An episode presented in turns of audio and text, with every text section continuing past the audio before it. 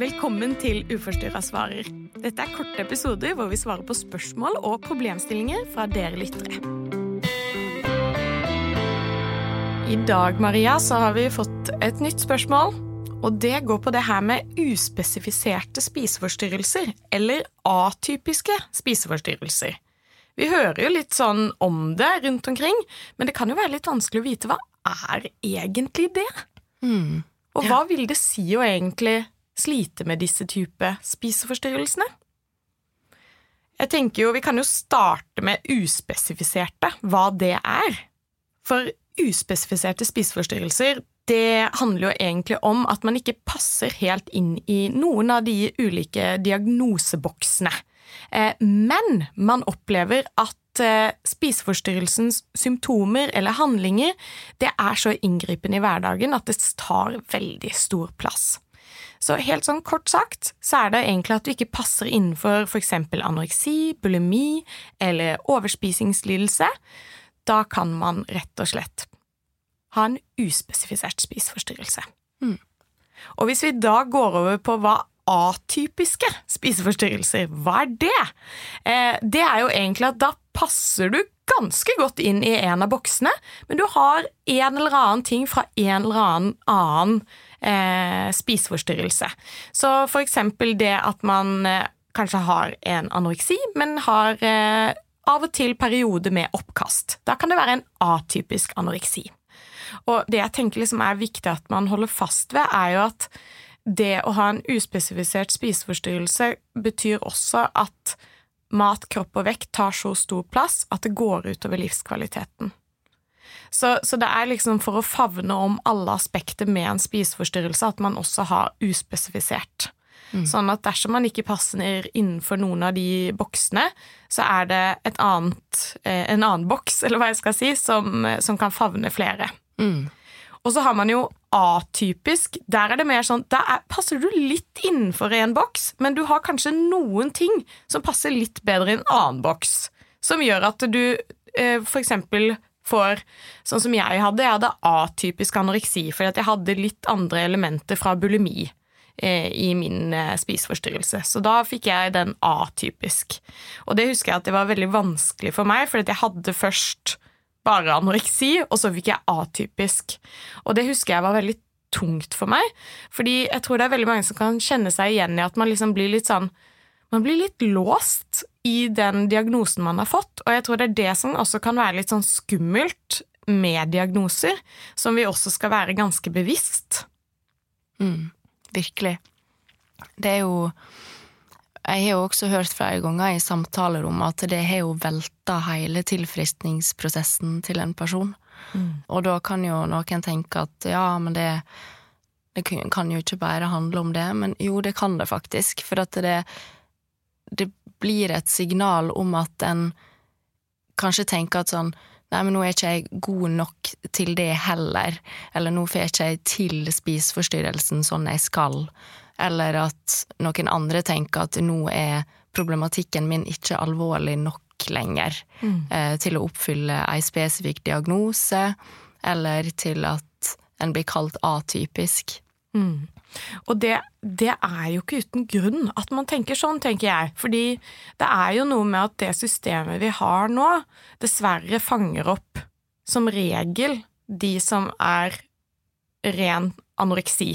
Fordi at det er ofte da at det er veldig tydelig i kropp.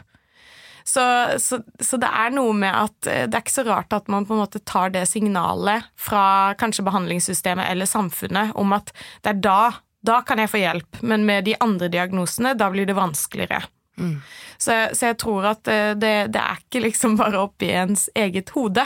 Det er noe som er litt sånn samfunnskonstruert, at eh, da er det alvorlig, og da er det ikke alvorlig. Og så er det liksom vår oppgave her å sitte og si at det er faktisk like alvorlig når du kjenner at det tar over alle aspekter ved livet. Mm. Og jeg bruker ofte å tenke det sånn En spiseforstyrrelse er en spiseforstyrrelse. Altså, det, det, er de her boksene de prøver jeg ofte å se litt sånn bort ifra, fordi at man kan så fort låse seg i de. Og så vet vi jo at man må på en måte ha de her diagnosene for å liksom komme seg inn i behandlingssystemet og få riktig behandling. Men jeg tenker liksom utover det så kan man prøve å glemme det litt. At man har den eller den diagnosen. Jeg tenker at i hovedsak så er det en spiseforstyrrelse, noe som betyr at det tar stor plass i livet på den ene eller på den andre måten. Absolutt. Og det det tenker jeg er en veldig fin innfallsvinkel for alle å ha. Jeg skulle jo ønske at det bredde seg litt mer utover til behandlingssystemet vårt også. For vi sier jo veldig ofte i samtalerom, eller jeg gjør i hvert fall det, at hvis, hvis du opplever det som et problem, så er det et stort nok problem. Og det er jo mye bedre at en får tatt ting tidlig, enn at det skal utvikle seg og utvikle seg. Altså, det er egentlig ikke noe mål å få ei diagnose, for å si det sånn. Mm. Mens for veldig mange så føles det ut som eh, det eneste som nytter for å få hjelp, ikke sant. At eh, hvis en skal få plass i behandlingsapparatet eller ikke bli avslutta i behandling, så må en oppfylle den og den diagnosen. Og um, det er jo fryktelig trist at en faktisk i mange tilfeller må bli så og så sjuk for å få hjelp. Så det er jo ikke rart at noen da kan kjenne på at nei, men min spiseforstyrrelse er uspesifisert. Det er liksom Kanskje en kan føle at den blir ikke tatt nok på alvor til at noen um, uh, vil gi den et ordentlig navn en gang, ikke sant? Mm. Eller å lese i journalen at uh, ja, nå er det atypisk anoreksi fordi at um, hun eller han er gått opp i vekt, ikke sant? Mm. Og det er jo Det er fryktelig sårt å lese når, uh, når en veit at det tar så stor plass. Og veldig mange beskriver jo, ikke sant, at når en har gått opp i vekta, for eksempel, fra anoreksi, det er jo gjerne da en har det på sitt aller, aller verste. Og det husker jeg jo sjøl også, at det var jo kanskje da jeg hadde hatt mest behov for tett oppfølging og hjelp, eh, mens det var jo da folk slapp opp, for at da tenkte de plutselig at det ikke var en spiseforstyrrelse lenger. Det er akkurat det. det. det. er jo det som er så utrolig vanskelig med det, eh, at veldig mange slipper opp, og det samme opplevde jeg også, at det, det slapp opp idet jeg gikk opp i vekt.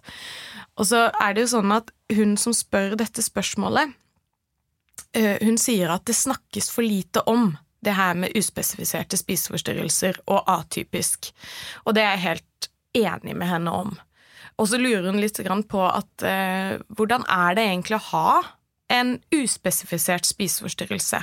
Og det har vi jo egentlig vært litt innom, for det er egentlig på samme måte som med alle andre spiseforstyrrelser. Rett og slett at mat, kropp og vekt tar stor plass. Og så tenker jeg jo også at eh, det kan forme seg på utrolig mange forskjellige måter. Eh, noen kan bruke maten som en måte å flykte på, noen kan bruke den for å finne kontroll. Altså, det kan være så mye. Noen kan bruke trening, andre kan bruke kompenserende atferd og så videre og så videre. Så det er utrolig forskjellig fra person til person hvordan type spiseforstyrrelse man har.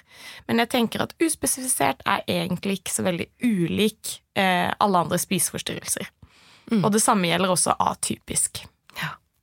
Nei, absolutt. Det er jo og det er jo gjerne derfor vi i ROS ikke snakker sånn veldig mye om diagnose, eller er så opptatt av det. Altså, jeg merker jo sjøl når vi snakker om det nå, så blir jeg litt sånn ja, sant, ja, det er jo ei greie at en deler det inn, fordi eh, i min hverdag er det eh, fungerer det veldig lite sånn, eh, mm. fordi vi ser jo at uavhengig av hvem vi møter i det samtalerommet, det er så mange fellestrekk der.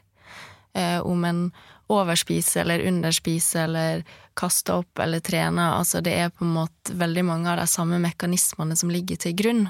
Mm. Eh, og folk har det like vondt og vanskelig uansett hvordan det kommer til uttrykk. Mm. Så til slutt så kan vi jo si det at hvis du har en atypisk eh, spiseforstyrrelse eller uspesifisert, du skal bli tatt like mye på alvor som med alle andre spiseforstyrrelser. Det er på lik linje. Mm. Takk for at du lyttet til podkasten vår. Dersom du kjenner deg igjen, eller noen rundt deg, så kan du ta kontakt med oss på nettros.no. Denne podkasten er laga med støtte fra Kavlifondet og med god hjelp fra produksjonsbyrået Både og.